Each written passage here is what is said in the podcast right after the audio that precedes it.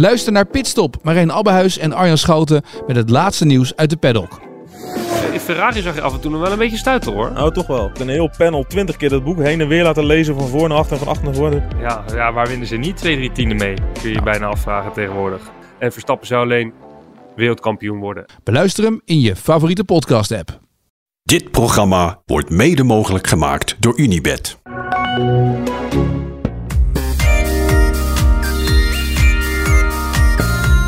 Thijs, goedenavond. Goedenavond. Even mijn microfoon rechtzetten. Even, het geeft altijd een beetje geluid. Zo is het beter. Hoe is het? Zo is het beter. Ik was alvast vertrokken. Wat? Je sliep? Nee, ik was al begonnen zonder jou. Oh, waarom? Je let er niet op. Je zat even de andere kant op te kijken. Bam, weg was ik. Ja, ik keek over mijn verkeerde schouder, maar ik ben wel een rijk Ja, man. dat is hoe het, de- hoe het deze dag gaat. Maakt niet uit meer. Ben jij mijn ploegmaat? Maakt mij niet uit. Bam, weg ben ik.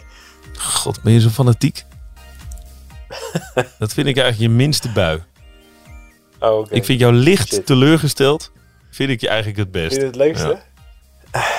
Ja. ik ben niet licht teleurgesteld. Ik heb wel genoten van de, van, de, van de rit van vandaag, eerlijk gezegd. Dit is leuk. Wielrennen is leuk als, het, als er allerlei kanten aan zitten. Vertel eens even, waar, it. heb je, waar heb je allemaal van genoten?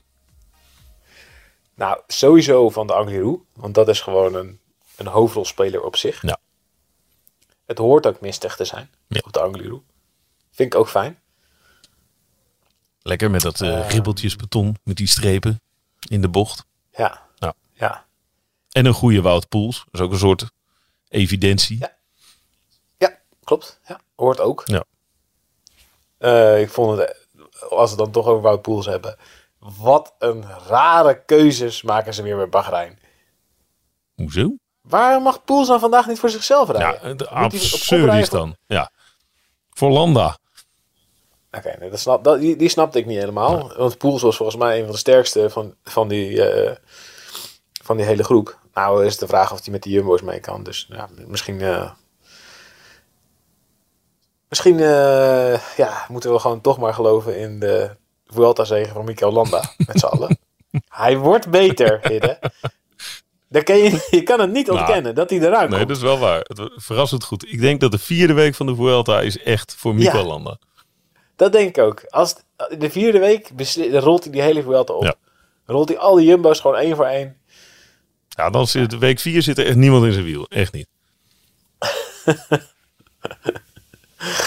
Hij, hij, hij staat gewoon al vijfde, hè? Nee, ja, hartstikke knap. Hij, hij begon eh, misschien... Ja, met, eh, hij begon niet heel, heel denderend. Toen zat hij een keer mee in een vlucht en daarom kwam hij de top 10 in. En toen besloot hij er toch maar voor te gaan. En kijk eens waar we staan. Keurig vijfde. Keurig vijfde. Ja. Nee, ja, ehm, wat ik... Ja, ik, ik was toch wel heel erg benieuwd naar hoe ze zouden rijden, de Jumbo's. En dan vooral Roglic en Vingegaard natuurlijk. Ja, ten opzichte van eh, leider Koes. Ja. Ja. Is Kuus nu... Ja, is het nu de leider of is het nu ieder voor zich? En eh, nou ja, na afloop van de rit van vandaag en de rit van gisteren meegerekend, waarin Vingegaard van best wel een end aanviel. Eh, ja, één keer Vingegaard, één keer Roglic. Eh, allebei de keren hebben ze Kuus van zich afgeschud. Allebei. Dan ja, kun je toch niet anders concluderen dan dat het ieder voor zich is, toch? Nou, daar lijkt het wel sterk op. Ja, ik moest aan je denken, omdat we het eh, maandagavond natuurlijk over gehad hadden. Ja, het, het lijkt er wel echt sterk op. Maar ik vind het een beetje ergerlijk, moet ik heel eerlijk zeggen. En ik weet, Ja, dit vind ik dus interessant. Ja, ik, ik, vind je het, leg uit. Waarom vind jij het ergelijk? ja, omdat gewoon, en daar hebben we het maandagavond ook over gehad. En ik snap de tactische bespiegelingen. En ik snap dat het moeilijk rijden is met, met eh kuus in, je wiel. En dat je dan meer kans op aanvallen hebt, enzovoort, enzovoort, enzovoort. Maar ik geloof gewoon in het feit, of ik geloof daarin. Je ziet, die gasten zijn fundamenteel beter dan de rest. Geldt ook voor, voor Kuus. Dat is geen enkel probleem. Die is echt wel beter dan de rest. Dus rij nou voor Kuus. Dat vind ik. Dus ik vind het lastig dat het ieder voor zich is. En dan uiteindelijk is het niet ieder voor zich. Want ja, vandaag wint Roglic. Dat had net zo goed andersom kunnen zijn. Dus het is ook een beetje, oké, vandaag win jij. Dus er wordt, ergens wordt er wel een keuze gemaakt. En ondertussen lijkt het ieder voor zich. Maar, en, en, en Kuus gaat natuurlijk aan het kortste eind trekken als ze doorgaan. Ja, dat denk ik Ja. ook. Maar oké, ik zal je zeggen hoe ik, hoe ik Graag. Ik- Ga ik ook even ontdekken hoe ik het zie, want ik, ik weet nog niet waar dit gaat eindigen. Maandag hebben ze, wat de Kuus zei vandaag na de rit tegen Spaans TV, eh, dat ze maandag hebben afgesproken op de rustdag dat, het, dat de sterkste zou moeten winnen. Dus dat er geen cadeautjes worden uitgedeeld. Ja, vind ik interessant. En, en dat hij eh, ook niet op een andere manier de Vuelta wil winnen. Dus hij hoeft geen cadeautjes. En ehm,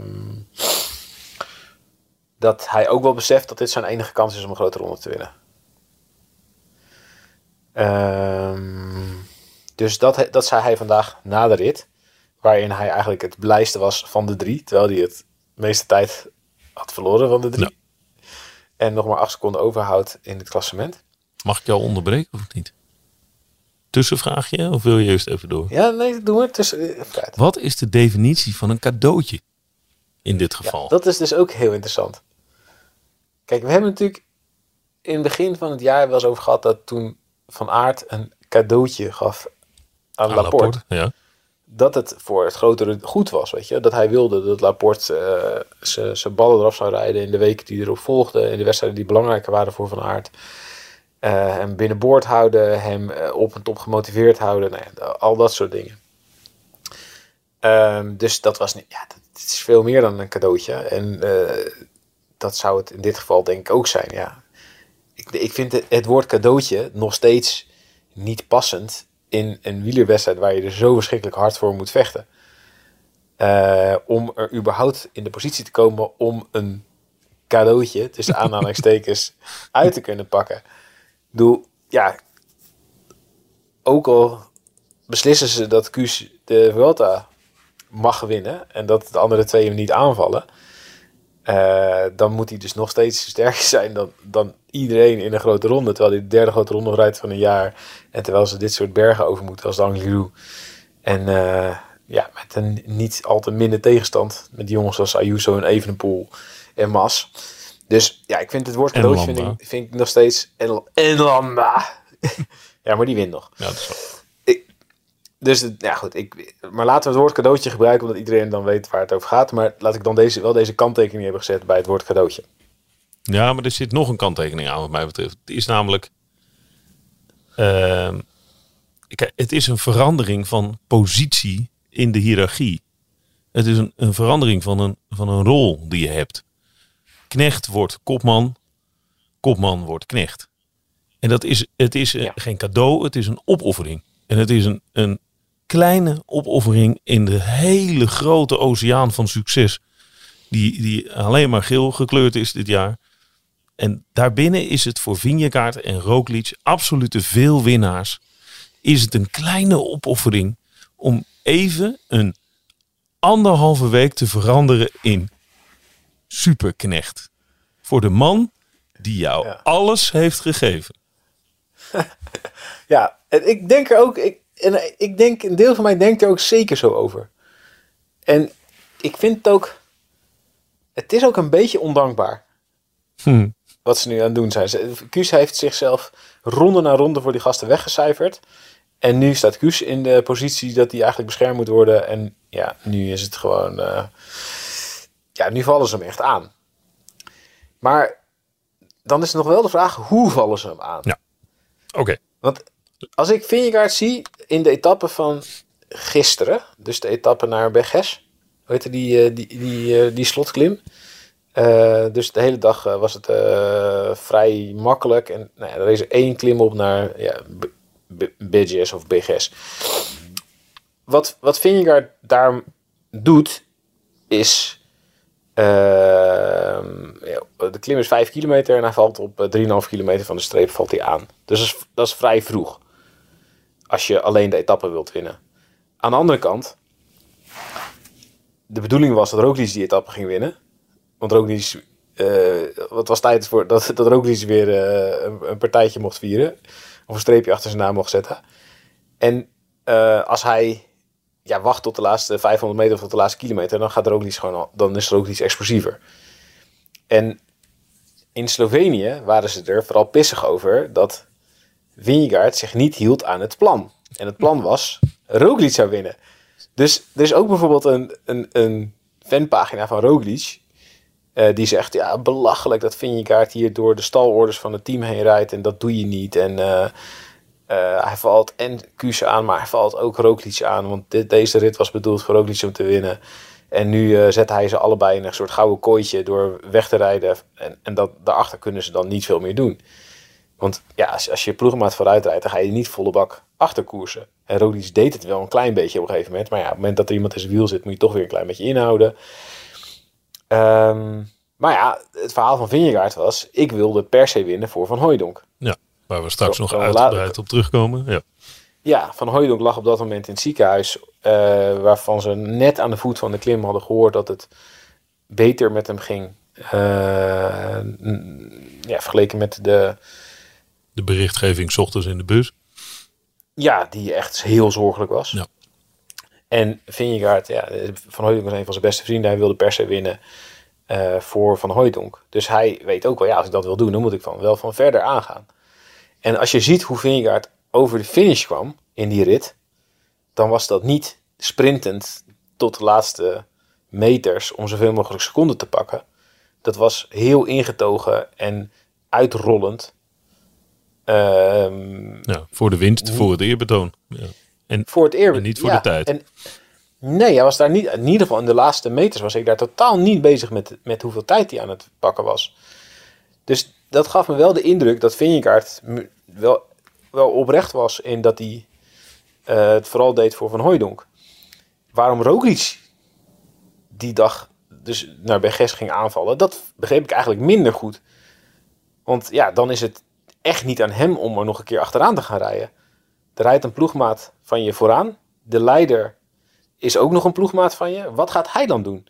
Waarom moest hij dan gaan versnellen? Dat is volgens mij echt alleen maar voor zijn eigen positie. Dat heeft geen enkel ander, geen enkel ander doel. En dat zie ik vandaag eigenlijk ook wel op de Angliru. Roglic is degene die gaat versnellen. En die eh, op, ik geloof 2,5 kilometer van de streep, wat op de Angliru nog een alle Jezus en alle Jezus en het klimmen dat is. is voor Van Warmerdam nog anderhalf uur op de fiets. ja. Toen ging hij versnellen, wat niet nodig was ergens. Dat was een vrij onnodige versnelling. En, en hij trekt door en eh, hij trekt door tot op het moment dat er alleen nog maar Jumbo's in zijn wiel zitten. De Vingegaard en Kuus zitten in zijn wiel. Eh, daarna moet Kuus moet er af. Die schreeuwt iets in zijn oortje. Of in de communicatie. Jumbo is er als de kippen bij om te zeggen dat hij zei: Go guys. Vind ik interessant of hij dat echt heeft gezegd. Maar goed, ja. eh, het zag er wel zo uit. Als hij had gezegd: eh, Wat de fuck zijn jullie aan het doen? Dan had het denk ik met iets meer misbaar gegaan. En ja, misschien is het ook wel tekenend voor de manier hoe Kuus erin staat. Heel aardig. Go guys. Ja. Nou, als Terwijl dat waar is, dat denken- vertelt wel veel. Ja. Over zijn karakter ook, toch? Maar ook hoe die En- in deze laatste weken rondrijdt. En, ehm, en dus ook wel inderdaad dat hij ook wel echt wel, ervan, ook wel het een mooi uitgangspunt vindt dat ze erom koersen. En dat de sterkste dan maar moet winnen. Ja, dan moet je zelf maar de sterkste zijn. Dus de één kans van mij denkt, het is ondankbaar wat die gasten doen. Je moet gewoon, ja, dit is de cushion, eh, de one-shot opportunity. Geef hem het in godsnaam. De andere kant denkt, ik vind het ook wel vet dat ze erom koersen. Want anders krijg je dus gewoon echt een super laffe, matte koers. En dan is het een soort, ja, dan wordt het op een gegeven moment ook wel een beetje een wanvertoning volgens mij. Ja, maar toch, als je als ploeg de afspraak maakt dat nu Roglic mag winnen, is dat waar? Wordt er 's ochtends in de bus gewoon bepaald, oké, deze is voor jou? Nou, ik denk dus omdat Vingegaard gisteren won, terwijl dus eigenlijk dit idee was, vandaag is echt een dag voor Roglic. Dat, eh, Dat Roglic dus eigenlijk dacht van, ja, wacht even, maar gisteren was het mijn beurt. Ja. Wanneer is het dan mijn beurt? Oké, dan krijg jij de Angliru. Oké, maar Ja, als dat ik zo denk wel is, dat dit zo gaat. ja, de Angliru weggeven is ook wel fascinerend trouwens. Maar dat is maar dat, ja. dat deed Vingegaard toch? ja, maar als dat zo gaat, hè, als je die afspraken kan maken, waarom kan je dan niet de afspraak maken? Jullie rijden nu tien dagen lang voor, voor Kuus overwinning. Nou ja, ze hadden dus in ieder geval, ze hadden minder hard hoeven door te trekken. Ze hadden ook kunnen doortrekken met Kuus in het wiel. En dan was het maar alleen, alleen was dan wel het gevaar geweest dat Landa nog was teruggekomen. Die zat er niet ver achter. Die eindigt nu op 19 seconden. Ja, Hadden ze, ja dan sprint je tegen ze- Landa. Dat wil je niet. ja, Kom op. ja dat, dat denk je, dat, dat win je ook wel, ja. Ja. Maar goed, Roglic helemaal. Achteruit fietsend. ja. Mm, dus dat is ook wel... Ja, die zat er niet ver achter. Het was niet, het was niet alsof ze het echt ehm, op zijn Jan Boerenfluitjes konden uitfietsen. Al leek het wel zo, soms. Maar zo ver zat Landa er niet achter. Nee, nee, nee. En op zijn jamboerfluitjes kom je de Angliru niet op. Maar ik weet niet. Het heeft wel iets. Het, het heeft ook wel iets tegenstrijdigs in zich. Wel afspraken maken, geen afspraken maken. Misschien zit de sleutel gewoon bij, bij Kuus. Dat hij gezegd heeft: luister jongens, ik wil altijd het hele gezeur niet. Je gaat niet voor me rijden. Ik zorg wel dat ik jullie bijhoud. En zo niet, win jij. Of jij. Eh, Volgens mij zit het ergens anders. Oh. Wat, wat, wat volgens mij het ding is, en dat hoor je ook de hele tijd terug in interviews. Als je dus aan Vingegaard gaat vragen, eh, hoe, ja, wat gebeurt er allemaal, wie wil je dat wint? Dan zegt hij, ik ben blij dat Kuus nog steeds de trui heeft en ik hoop dat Kuus de Vuelta wint. wint. Zegt hij na afloop van deze rit. Hè? Roglic zegt het iets minder Ja. eh, stevig of iets minder hard. Die zegt, ja, ik vind het fijn als Kuus de Vuelta wint, maar ik heb ook zelf een verantwoordelijkheid om te racen. Die zit al iets, iets anders. Maar volgens mij, wat, wat hier aan het gebeuren is, is niet zozeer dat ze. Ik denk dat Kuus is niet zozeer het probleem qua karakter. Als die tweede of derde wordt, ik denk dat hij het ook geweldig vindt. Nee, dat bedoel ik. Ja. Hè? En hij zal heus wel ergens denken, ja, weet je, gast, had, had het nou eigenlijk niet voor mij gekund? En dan zullen mensen, zeker als hij straks in Amerika terug is, want Amerikaans Twitter, dat ontploft al. ontploft al dagen. Wat Die hebben het echt- gebeurt hier. Ja. Ja, die vinden het vreselijk natuurlijk om te zien. En wat denk ik ook wel, ja, st- ik denk als dit een, ik ik denk in Nederland vinden al heel veel mensen het al dat het dat Kuus zou moeten winnen. Maar kan je je voorstellen dat het Kelderman was geweest en ze rijden elke dag bij Kelderman vandaan? Ja, dan waren, dat was niet mals geweest hier hoor. Dat kan ik je wel vertellen. Nee. Dus ehm, ik denk dat dat wel, wel logisch is. Maar volgens mij wat het conflict is wat hier aan het smeulen is. En eh, wat nu eigenlijk misschien wel het grootste probleem is. Is het conflict tussen Vingegaard en Roglic. Want het is niet zoals in klassieke situaties. In dit geval is het, is, zijn het er twee. Dan heb je één gast die aan de leiding staat. En één gast die hem al dan niet stiekem probeert aan te vallen. Froome versus Wiggins. eh Hino versus Le Mans. Eh, nou, je hebt talloze van dit soort situaties gehad, toch? Ja. De, de jonge versus de oude, weet je wel, opko- opkomend talent, eh, grote vedette. En nu heb je er drie. En volgens mij, als het er twee zouden zijn geweest, dan was het veel beter te managen geweest. Als het alleen Roglic was geweest of alleen Vingegaard, dan was ook het... Dan had, had de vedette, dus de grote favoriet, Roglic of Vingegaard, die had dus ook echt, nou ja, bijna met op een zilveren schaal hadden ze, hadden ze dan de Vuelta aan Kuus kunnen geven. En dan had iedereen gezegd, oh man, dat is wel echt chic. Echt chic gedaan. Applaus, ja, grote Ja, meneer, weet ja. je wel. Alleen, nu zijn het er twee. En ze zijn er vooral mee bezig dat als zij zelf niet winnen, dan Kuus. Maar niet de ander. Nee. Want dat, dat, dat zeggen ze ook gewoon. Ja. En dat snap ik ook. Want kijk, en dat zie je nu volgens mij terug in, in ritten zoals gisteren. Dat Vingegaard dus weg is. Dat Roglic dan denkt, ja wacht even. Als Kuus weg is, dan moet Kuus... Dat, dat, kan ik, dat kan ik accepteren. Maar Vingegaard, die staat niet hoger dan ik in de pickorde, toch? Wij zijn toch allebei net... Wij, dan begint ook een ego-dingetje. Dus dan gaat Roglic ook. En als Roglic vandaag gaat, dan denkt Vingegaard... Ja, maar als Roglic gaat, dan blijf ik niet bij Kuus. Nee. Als jij gaat, dan ik ook. Ik denk dat het probleem zit veel meer daar. En ik, ik denk dat de ploegleiding eh, daar zich wel van bewust moet zijn. Want hier wordt wel in potentie een, een, een conflict gemaakt ook. Ja. Stel, je, stel je voor dat Vingegaard de Vuelta wint. En Roglic die heeft dagenlang niet mogen aanvallen... omdat hij Kuus moest, de positie van Kuus moest beschermen. Of andersom. Ja, dan heb je stroom en knikken. Ja, en, die, en op het laatste moment rijdt nu Vingegaard of Roglic Kuus voorbij. Dan is die andere, grote, grote vedette, die denkt dan, ja, maar wat is dit nou? Ik mag niet aanvallen omdat we de positie van Kuus moeten beschermen. En die andere gast gaat ermee door, mee vandoor. En die heeft al nou, twee keer de Tour gewonnen. Drie keer de Vuelta gewonnen. de Giro gewonnen, weet ik veel.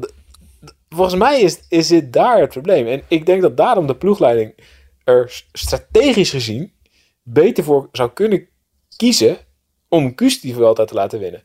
Want dan heb je dus dan En dan heb je, Ja, dan- heb je geen ontploffing van dit conflict aan het einde. Want de- ik denk echt dat het erin zit. Als, ik, als je zo'n beetje naar de reacties kijkt en naar de manier van koersen, dan. eh, en ook naar wat. Nou ja, eh, wat had ik dat nou net gezegd? Dat de vrouw van Roglic dus. eh het Instagram bericht likte. Over dat Vinjekaart gisteren dwars door de stalorders reed. En dat dit schandalig was. Oh ja? bla, bla, bla. Als vrouwen zich ermee gaan bemoeien van renners. zie Wiggins Room. Dan wordt het. Dan, ja, dan weet je ook wel een beetje hoe zij. Hoe Roglic tegen eh, met zijn vrouw s'avonds aan de telefoon zit. Ja. Die baalt. Die denkt, ja, wat de fuck, dat was niet de afspraak. En dan, ja, de- de- de- natuurlijk kan er dan een verhaal, eh, een verhaal zijn dat het nog belangrijker is, want Van Hooijdonk is een goede vriend van hem, ligt in het ziekenhuis, bla bla. bla. Maar Roglic denkt, ja, wat, dit was niet de afspraak. En als hij zich niet aan de afspraak houdt, moet ik me dan wel aan de afspraak gaan houden. Oeh, dit is al de, de sluimer. Dit, dit is wel. De tellen down, de down. En dus ook, Roglic, als, die, als Roglic dus vandaag keihard doorrijdt op de Angliru, dan zorgt hij dus eigenlijk voor dat Vingegaard de Vuelta wint in plaats Ja. van Kuus. Dus volgens mij reed Roglic vandaag ook niet volle poor. Nee, anders had hij misschien wel meer afstand ook. Hadden die. Nou ja, het, is een, het is, het, het zou dat kunnen. het een- ja. ik denk dat het een heel ingewikkeld probleem is. En dat het een ingewikkeld probleem is nu echt voor de ploegleiding. Omdat het nu zo laat in de Vuelta is. Dat de ander het ook niet meer... Ja, het is straks niet meer... Het is niet alleen maar de sterkste. Het is nu ook... eh, de slimste of, of de rattigste. Ja, de dus- meest brutale. De smerigste. Ja. Ja. Die, Kan wel eens een hele vuile overwinning worden, dit. Ja, maar het is nu nog... Ja, je hebt nog twee, twee ber- bergritten. En ehm ja, Q staat nog zo kort voor. Als Vingegaard één keer per ongeluk te hard niest, dan is hij hem voorbij. Ja. Eén keer bonificatie is erbij en dan is het, dan is het over. Misschien moet Q wel zelf gaan aanvallen. Ja, want daar, ze- daar ga je niet achteraan rijden. Dat is misschien wel de, Ja. de beste tactiek. Ja. Misschien zou hij dat moeten doen. Want ik kijk, dus nu, nu na, van, na de Angliru is het wel echt duidelijk dat de rest echt niet meespeelt. Het is ook geen. Je kunt er ook niet meer naar wijzen of naar spelen van Ayuso staat nog op 2,5 Nee. minuten of ik wat. Nee, dat is echt klaar. Dat is echt klaar nu. Die staat er vier minuten. Ja, dat is. Het is gewoon een van de Jumbo's eh, gaat, gaat de Vuelta winnen. Ja. Maar ik, ik ben heel, heel benieuwd hoe de ploegleiding dit gaat doen. Want ik, ja, er zit hier wel een potentieel conflict tussen hun twee beste renners. Klassementsrenners.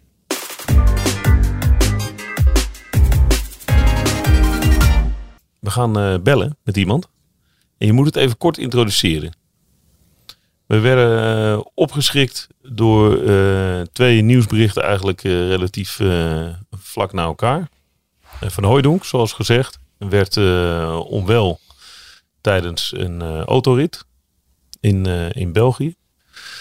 En ehm, werd onwel en ja, kwam in een auto-ongeluk. Hè? Ja. Ehm, afvoerd naar het ziekenhuis. Kunstmatige coma. Waar die gelukkig uit is. En toen kwam het bericht: het is oké. Na omstandigheden. Eh, en vervolgens, vanochtend, het bericht eh, van Krede, eh, renner van ehm Covidis. Die twee weken geleden, s'nachts, een hartaanval heeft gehad. En daar is myocarditis eh, geconstateerd, een ontsteking aan de hartspier. Reanimatie door zijn eh, echtgenote en eh, zijn schoonfamilie. Hij, hij was te lezen in het persbericht van Covidis, waarin hij ja, vertelt dat hij, in, in de laatste zin, dat was echt een verschrikkelijke zin natuurlijk. Ik ben zo blij dat ik nog leef. Tja. En ik ga eerst maar eens even wandelen en genieten en herstellen. En dan, dan kijken we later wel eens naar de toekomst. Eh, twee momenten waarvan jij dacht, ja, die eh, moeten we wat- mee, dus we gaan bellen. Nou, we hebben eerder in het jaar wel eens eh, ook een keer in een podcast dit probleem geraakt. Dat er ehm, meer eh, nou ja, eh, soms ook met dodelijke afloop zijn in, in het wielrennen. En hoe dat komt en wat je eraan kunt doen en al dat soort dingen. En aangezien wij geen medici zijn en eh, er geen he- hele erg zinnige dingen over kunnen zeggen, ehm, hebben we toen al gezegd: moeten we hier niet iemand over bellen? En ehm, ja, we hebben, ik heb toen contact ge- gehad met een eh, goede cardioloog, ehm, Floris van der Brink, en die zei eigenlijk, appte die zelf vandaag, maar eh, moeten we hier, ja, eh, is het niet tijd om eh, hier eventjes eh, een beetje in te duiken, om wat helderheid te scheppen over wat er nou aan de hand is. Want ik- ja, er zijn zoveel mensen die hier eigenlijk, die denken, wat, waarom gebeurt dit nou heel vaak? Eh, is dit eh, vaker dan voorheen? Eh, heeft het iets te maken met corona? Heeft het iets te maken met vaccinaties? Heeft het... En ja, eh, hier moet je gewoon een, eh, een, een, een gespecialiseerd iemand die ervoor gestudeerd heeft, voor aan het woord laten. Dus laten wij al onze domme vragen eens aan hem gaan stellen. Ja, Floris van den Brink. We gaan hem... eh, Een goedenavond, Hidde. En Thijs, denk ik. Jazeker. Goedenavond, Floris. Jazeker. Goedenavond, heren. Kan je ons duidelijk verstaan? Want dat is altijd even technisch de vraag. Eh, ja, als het goed is wel. Ja, dat is geen probleem. Uitstekend. Eh, fijn dat je tijd hebt. En fijn dat, je- dat jij richting Thijs een eh, bericht stuurde van... eh, zullen we hier niet eens even wat aandacht aan besteden? Aan deze Nou ja, gevallen. dat denk ik ben niet, onbelangrijk sinds, eh, gezien de recente ontwikkeling. Dus, eh, dus graag gedaan. Ja. Ehm, Kan je, kan je misschien eerst uitleggen wat jij, wat jij doet in het dagelijks leven en eh, wie je op je behandeltafel ziet? Of eh, wat, eh, ja, wat je... ik ben... ehm, dus mijn naam is... ik ben Floris van Brink. Ik ben als cardioloog verbonden aan het Leids Universitair Medisch Centrum. Ik werk daar met name op de intensive care. En daarnaast ben ik in, gespecialiseerd in de interventiecardiologie, dus, dus in doppler ingrepen en dergelijke. Maar ik doe met name intensive care geneeskunde en, eh, en. En dat is ook een beetje mijn onderzoeksgebied. Eh volledigheid eh, dient mij te zeggen dat ik dit doe op eigen titel, omdat ik vanwege de korte termijn waarop eh, deze uitnodiging kwam, eh, geen tijd heb gehad om te overleggen met de afdeling eh, Public Relations van het NUMC. Dus dan moeten we er altijd expliciet bij vermelden dat ik dit op eh, eigen titel doe. Dus bij deze. Goed om altijd te doen, inderdaad. Eh, we hebben een hele sloot eh, domme vragen in ons hoofd. Thijs, trap eens even af. Ik zou zeggen, shoot. Ehm, ik denk een van, de, een van de eerste dingen die mensen zich afvragen, en ik ook. Hoe kan het dat eh, jonge, gezonde sporters dit soort dingen overkomt? Over wie, waar doel je precies? Ja, sorry, dat de we- vraag. ja, niet onze, onze... Nee, ik Ja, heb niet het eh, voorgaande gehoord. Dus het gaat om over een Nathan van Hooijdonk of het ontwikkelen van hartritmestoornissen van wielrenners. Want dat zijn twee verschillende dingen. Nou, eh, we hebben het nu eigenlijk... De, de aanleiding was eh, inderdaad wat er bij Van Hooydonk is gebeurd. Dat hij onwel is geworden Ja. achter het stuur. Wat waarschijnlijk het gevolg is van een, hart, van een hartfalen of een hartaanval. En ook eh, het bericht van, eh, over Wesley Kreder... die twee weken geleden een hartaanval heeft ge- gehad eh, midden in de nacht... en is ge- gereanimeerd. Renner van Covidis. Ehm, ja, eh, super eigenlijk nieuws wat op één dag of op twee dagen even snel naar buiten komt. En wat je even doet beseffen, ja, dat zijn allebei jonge, fitte gasten. Hoe is het mogelijk dat die iets aan hun hart krijgen? Ja, dus, ik, dus de vraag om die goed te beantwoorden is... ehm, denk ik dat we heel even moeten kijken naar de anatomie van het hart. Ik denk dat dat heel belangrijk is. Ehm, je hebt verschillende hartritmestoornissen. Eh, je hebt een aantal hartritmestoornissen die komen eh, uit de atria of boezems, of zoals de Belgen het zo mooi zeggen, de voorkamers van het hart. Dus daar heb je er twee van, eh, de rechter en de linker. En die pompen het bloed naar de kamers van het hart. Dus dat is de linker en de rechter hartkamer. De, de eh, hartritmestoornissen kunnen uit de bovenkant van het hart, dus uit de voorkamers, om het maar even zo mooi te zeggen, of uit de kamers komen. Over het algemeen zijn de hartritmestoornissen die afkomstig zijn uit de voorkamers van het hart, oftewel de atria, de boezems, zijn relatief goedaardig. Daar moet ik wel bij zeggen relatief, want ook die hebben en brengen vrij veel problemen met zich mee. Ehm, wielrenners die kunnen die hartritmestoornissen daaruit ontwikkelen. Hè? Zoals we kennen, Robert Geesel bijvoorbeeld, die heeft uh, atriumfibrilleren ontwikkeld, of boezemfibrilleren, of zoals we wel zeggen, voorkamerfladderen. En dat is een goedaardige hartritmestoornis. De andere ritmestoornissen, dat zijn de ritmestoornissen die voorkomen uit de kamers van het hart. Um, dat heet een ventriculaire tachycardie, of in het geval van een, een hartstilstand ventrikel fibrilleren, oftewel het stilstaan van de linker hartkamers. Uh, die kunnen optreden zonder dat daar een daadwerkelijke onderliggende oorzaak voor is. Of iemand heeft een, uh, een aangeboren uh, hartafwijking die nog niet onderkend is. Ehm, dus daar moet onderscheid tussen gemaakt worden. Dus de bovenkant van het hart en de onderkant van het hart.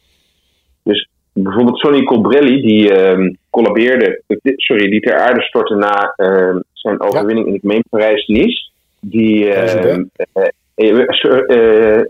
ja, maar toen kreeg hij geen hartstilstand volgens mij. die won niet, maar... Ja, oh. klopt. Ja, daar stortte hij ook ter aarde. Nee, dat klopt. Nou, hij, klopt. Maar toen raakte hij niet buiten bewustzijn. Ja. maar in een ander, dus, dus, dus dat is naar alle waarschijnlijkheid, maar dat, ik ken de details van zijn van zijn geval niet, is een, is een kamerritmestoornis of een ventriculaire ritmestoornis geweest. En dat is naar alle waarschijnlijkheid ook iets dat Nathan van Hooydonk is overkomen. En dat kan een genetische oorzaak hebben, die niet eerder onderkend is. Hè? Dus je hebt een, een, een cardiomyopathie of een afwijking aan de hartspier. En die zich op dat moment manifesteert. Um, Um, uh, en de andere gedeelte zijn de, zijn de renners die een, een supraventriculaire of een aan de bovenkant gelegen hartstoornis hebben, die gewoon ontstaat door het fietsen. Um, zoals bijvoorbeeld een Robert Geesink uh, en veel andere renners die bijvoorbeeld boezemfibrilleren ontwikkelen. Um, en ik denk niet, nee, dat wil ik wel nog even benadrukken, dat heb ik net nog even ook opgezocht. Um, ik heb nog even gekeken naar de data die hier over bekend is, tot op zekere hoogte.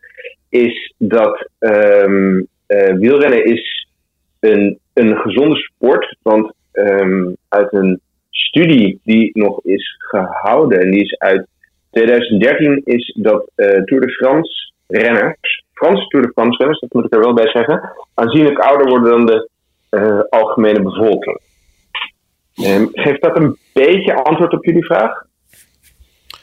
Ja, uh, nou, niet een ja? beetje. Het is, uh, het is uh, zeer compleet, dus dat, dat is heel duidelijk. Um, even in simpele taal gezegd, het, het is dus of onbedacht toeval, of, of, ja. ge, of genetisch. Ja, oeh, um, hm. maak ik ja, het te smal? dat, dus, uh, ik denk dat mijn cardiologische collega's zeggen dat wordt het een beetje te smal. Maar uh, nee, dus maar een acute hartstilstand op jonge leeftijd is over het algemeen, en dan in het grootste gedeelte van de, van de gevallen genetisch bepaald. Dat betekent dat iemand een onderliggende hartziekte heeft die zich nog niet eerder ge, uh, manifesteerd heeft, die zich nog niet eerder aangetoond heeft. En dat kan een elektrische hartziekte zijn, dus dat kan in, de, in het geleidingssysteem van het hart zitten. Hè? Dus hoe de, de, de elektrische pulsen voortgeleid worden. Maar het kan ook uh, intrinsiek een, een, een spierziekte zijn. Dus een ziekte die zit in de spier van het hart zelf. Um, is dat dus, iets dus, wat, dus je, wat je zou moeten kunnen ontdekken bij renners? Of is dat iets wat gewoon niet vooraf eruit te halen is? Uh, dat is een hele moeilijke vraag om te beantwoorden. Dat is een, een, een, een controversieel onderwerp. Um, ik weet dat er landen zijn die al hun sporters voorafgaand aan een, aan een sportcarrière screenen. Ehm, die, eh, eh, maar daarin, dat zijn geen landen waarin eh, acute hartdood bij jonge sporters minder voorkomt. Dus de vraag is, in, in zoverre heeft screening zin? En soms zie je nog geen dingen. Ehm, als je een screening doet, bijvoorbeeld een echo van het hart of je maakt een, een hartfilmpje, uh, omdat het zich pas op latere leeftijd manifesteert. En natuurlijk, al deze jongens en vrouwen en meisjes die, uh, die rondrijden, zijn natuurlijk heel jong. Dus die hebben tijd nodig om hun uh, ziekte zich te laten openbaren. Dus ik denk niet dat je dat er altijd uithaalt met een, een, een sportkeuring en dergelijke. Dus ik denk, ondanks het feit dat we. Um, dat er veel onderzoek wordt gedaan en dat er, dat, er, dat er veel sportkeuringen zijn, dat er altijd dit soort gevallen zullen blijven. Komt het vaker voor bij wielrenners dan bij andere sporters? Niet dat ik weet in ieder geval. Nee. Nee, denk ik eerlijk gezegd niet. Uh, en dan heb je het over, dan, dan, dan heb ik het specifiek over de acute hartdood. Uh, dat komt niet vaker voor, voor zover ik dat weet, bij wielrenners dan bij andere sporters. Hè. We kennen natuurlijk het, gevaar, het geval van, uh, van Abdel van, van Daley Blind, die, die ook een, ja, de facto kwaadaardige hartritmestoornis heeft. Um, wat wel meer voorkomt bij duursporters zijn de relatief goedaardige hartritmestoornissen, zoals bijvoorbeeld uh, boezemfibrilleren. Nogmaals, zoals de Belgen dat zeggen, voorkamerfladderen. Maar dat heeft te maken met de inspanning die ze leveren. Um, ze doen een, een, langdurige inspanning waarbij de druk in de longslagader, hè, dus het is de ader, de slagader die naar de long leidt, verhoogd wordt. Waardoor er meer rek komt op de, de rechterboezem of voorkamer. En uh, dat daardoor makkelijker een relatief goedaardige hartritmestoornis kan ontstaan. Dus, dus dat hoor je dan ook uit de pers terug. Hè. Ik zat net nog even op te zoeken dat hè, bijvoorbeeld Geesink, zoals ik net al noemde, die is daarvoor behandeld en ook andere renners. Dus, dus ik denk niet dat acute hartdood meer voorkomt, maar hartritmestoornis aan zich komen bij duursporters, maar dan kun je ook denken aan schaatsers, uh, biatleten, triathlonlopers en marathonlopers. Dat komt wel meer voor. En jij zegt net, um, uh, er is een onderzoek gedaan onder Franse wielrenners en die leven langer.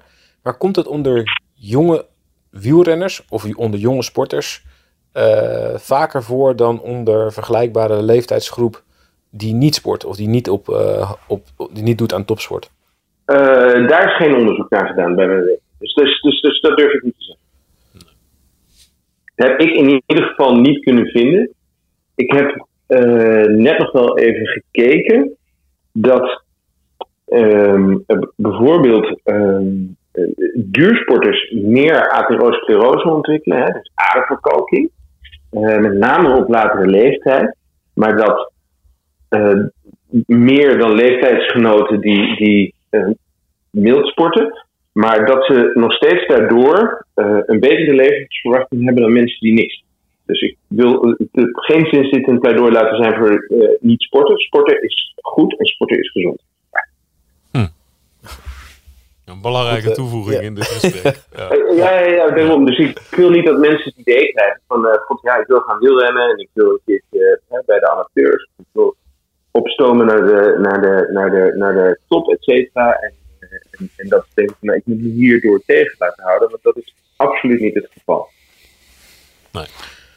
Het punt is, denk ik, um, is dat dit soort uh, gevallen voorkomen in, in, in alle vormen van sport.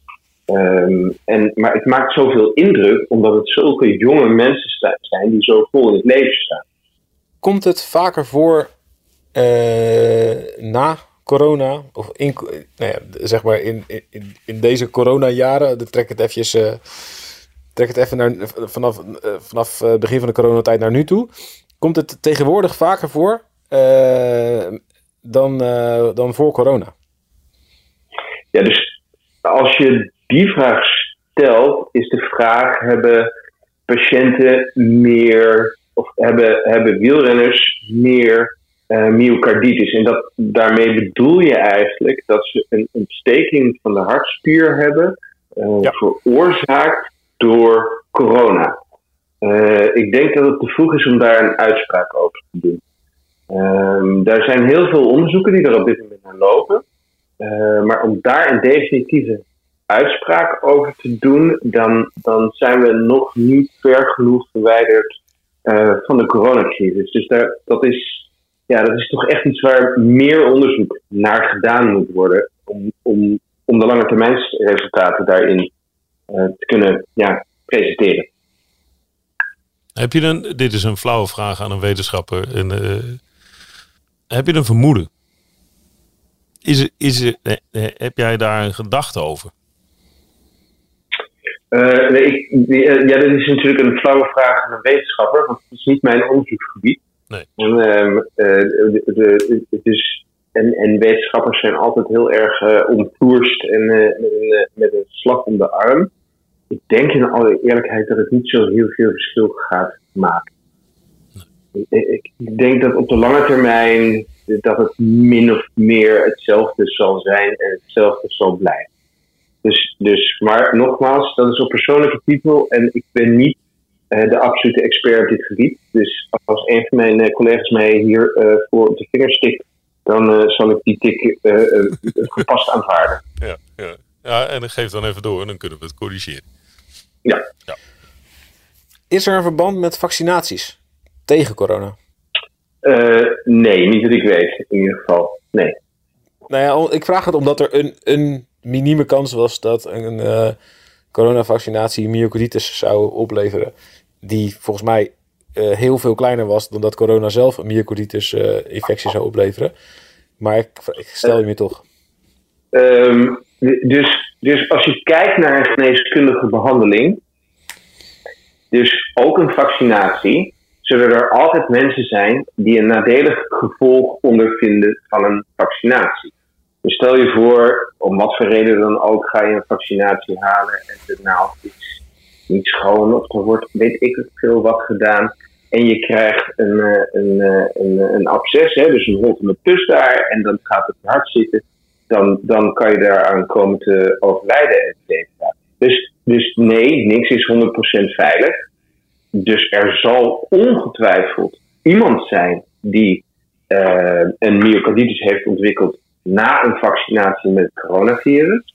Maar over de gehele populatie genomen, en dat is hoe wij dokters ernaar kijken, is de vaccinatie heel veel veiliger geweest en heeft veel meer gebracht uh, qua bescherming tegen het virus dan uh, het gevaar heeft gebracht. Maar om je vraag te beantwoorden, is elke medische behandeling 100% veilig en is dus elke vaccinatie veilig? Dan is het antwoord nee. Um, we hadden het net over die, uh, die uh, sporttest, uh, die screening van jonge sporters voorafgaand aan hun carrière. Um, in veel, heel veel sporten en heel veel ploegen doen ze dat jaarlijks. Um, in heel veel ploegen en heel veel sporten ook helemaal niet trouwens. zou het zin hebben om dat met regelmaat te herhalen? Dat is een hele moeilijke vraag. Dat, daar is heel veel discussie over. Uh, dat doen ze in Italië, doen ze dat, uh, doen ze dat wel. In Nederland wordt het niet bij alle sporten gedaan. Ik weet dat het uh, bij wielrennen wel gedaan wordt. Als je al op amateurniveau wil fietsen, moet je een sportkeuring ondergaan. Ehm, er is niet heel erg overtuigend bewijs, mijns inziens, dat een sportkeuring acute hartdood voorkomt. Um, maar nogmaals, het, punt is een beetje dat ik um, uh, niet een absolute expert ben op dit gebied. Dat, dat moet ik in alle eerlijkheid uh, bekennen. Um, uh, evenwel denk ik dat op het niveau van profploegen het goed is om de renners met grote regelmaat te controleren, echografisch gezien. dus met een hart, met een hartfilmpje en dergelijke. Het probleem zit in denk ik gedeeltelijk in het feit dat eh, renners, omdat ze zoveel fietsen en zo hard fietsen, krijgen ze een verdikte hartspier. Dus een, eh, een, een verdikte, met name linker hartkamer. En ze krijgen een vergroting van hun uh, rechterboezem, dus hun, de, de, de rechtervoorkamer. Um, maar dat kunnen ook tekenen zijn van een hartziekte. Dus hoe maak je dan op dat moment het onderscheid tussen: is dit een renner die gewoon hard traint en een sportershart heeft? Of is dit een renner die uh, een, een hartziekte aan het ontwikkelen is? Dus dat zijn altijd hele moeilijke dingen en hele moeilijke afwegingen uh, die je moet maken als arts. Is er een middel of is er een methode te verzinnen waarop je dat wel zou kunnen, waarop je een, een hartziekte of een ontwikkelende hartziekte wel zou kunnen zien, die we nu niet gebruiken? Ik denk dat je dan in het gebied van de genetische testing komt. Dat, dat is mogelijk. Uh, maar er zijn heel veel tests die je moet doen. En uh, dan moet je klinisch geneticus en de gewicht dat dat legt, in ieder geval op de individuele gezondheidszorg in Nederland, die toch al vrij overbelast is, is denk ik groot. Individuele teams zouden dat kunnen overwegen, maar dan is het op eigen kosten, denk ik. Uh, en dan zou je er misschien nog wel een paar uit kunnen halen. Uh, maar ik denk toch dat dit een fenomeen is dat we uh, nooit kunnen voorkomen. We zien, we kennen allemaal iedereen van ons, denk ik, en iedereen die luistert naar deze podcast uit onze omgeving, iemand die op jonge leeftijd plots is overleden. En, en hoe goed we ook proberen en, en willen en, en ons best doen om dat te voorkomen, is het iets dat mijns inziens toch altijd zal blijven bestaan. Ja, het hoort erbij. Ja, ja, het hoort erbij, helaas. Ja. Dus het gaat om het accepteren van dit soort gevallen. We, we, moeten het proberen te voorkomen. We moeten proberen het op tijd te detecteren. We moeten de ziekten die, we, uh, die niet geschikt zijn voor het beoefenen van topsport en de hartziekten die niet geschikt zijn voor topsport, want dat zijn er wel een aantal, uh, er op tijd uithalen.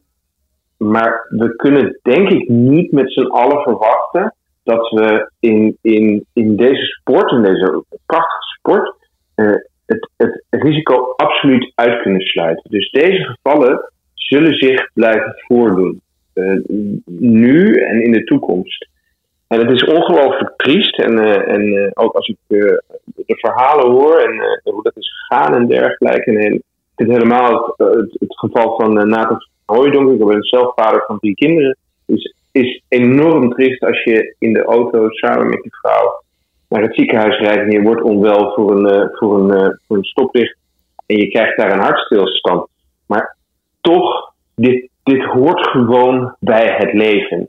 Dus we moeten het risico minimaliseren, maar we moeten accepteren dat het risico nooit nul gaat zijn.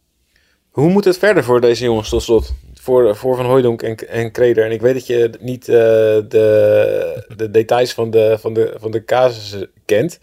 Maar ik, lijkt mij als renner of als, als, als duursporter of nou, sporter in het algemeen. Het lijkt mij zo moeilijk dat je weer, als je überhaupt alweer mag je sport beoefenen. Dat je weer moet gaan vertrouwen dat je, je hart, nou ja, de motor van je lichaam, dat die het weer gaat doen zoals je wil dat hij het doet.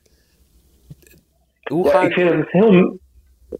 Sorry. Ja, nee, ik vind het heel moeilijk om te beantwoorden. Ik, ik, en, en dat is ook omdat de hartritmestoornis uh, per individu, uh, dus per individuele sporter, dat, die verschilt. Hè. Dus, uh, vandaag was een prachtige etappe naar de Angliru.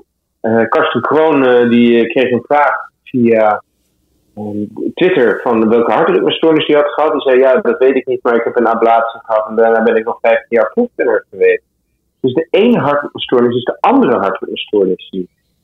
Dus, dus misschien voor Nathan van Hooijdonk is het zo dat hij, dat hij terug kan keren in het peloton. Of dat hij net zoals Sonny Cobrelli een, een ICD krijgt en, en zijn carrière moet beëindigen. Wat natuurlijk dramatisch zou zijn hopende dat hij uh, restloos herstelt. Uh, voor Wesley Kreder, ja, die heeft een hartinfarct gehad. Misschien moet hij de rest van zijn leven aan, aan de bloedverdunners. Uh, Milan Vader heeft een, een stent in, in de slagader van zijn, eh, van zijn hals zitten. Die moet zijn leven lang bloedverdunners gebruiken. Misschien moet Wesley Kreder dat ook. Hoe doe je dat? Hoe pak je dat aan? Ga je dan alsnog op de fiets zitten, wetende dat je misschien wel valt en langer bloed? En, en stel je voor, je maakt een grote schuiver. Hoe, hoe doe je dat?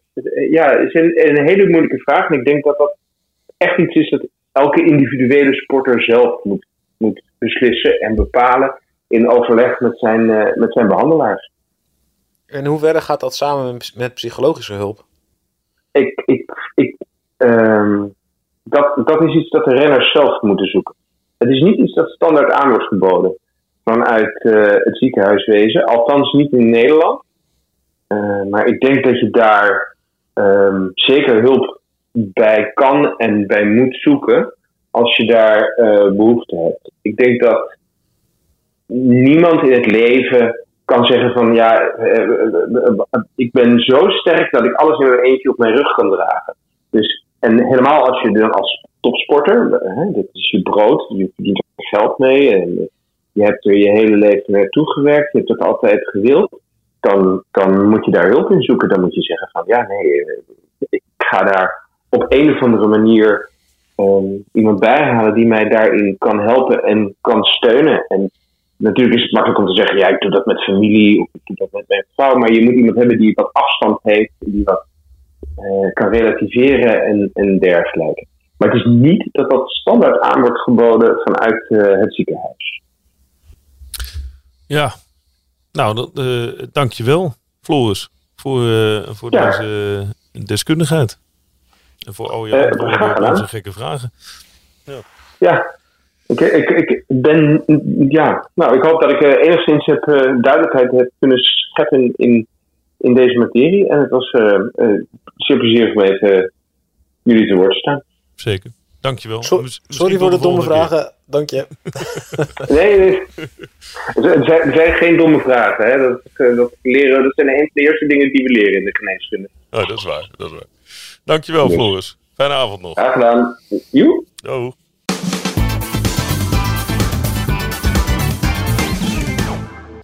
Ja, ik merk wel dat het, eh, het, het- om het zo te horen, en zo, het maakt wel een beetje indruk, merk ik. Ja, ja. Maar ik vind dat, het, het lijkt me zo lastig om, eh, ook, om, ook als je weer mag fietsen, om dan weer je hele lichaam te gaan vertrouwen. Ja, Of je, je dat. hart te gaan vertrouwen. Ja, Het lijkt me, ja. Ik heb eh, aan het begin van mijn carrière, moest ik eh, inderdaad ook van die sportkeuringen doen. En toen bleek dat ik ergens ook een hartritmestoornis had. En dan ja, word, je dus, word je dus ineens sta je voor de... ja, er wordt er een stempeltje op je geplakt, weet je. Ja, er, je hebt nu een hart, hartritmestoornis. En toen moest ik allemaal testen doen. En toen bleek dat het helemaal niks voorstelde. En dat die, eh, als ik in inspanning eh, was, dat die, dat die perfect eh, stabiel was. En dat hij heel mooi in een ritme bleef. En het, hoe, lager die ging, dat hij onder de, of veel, onder de eh, 80, 70, dat hij af en toe oversloeg of zo. En dat was niet erg.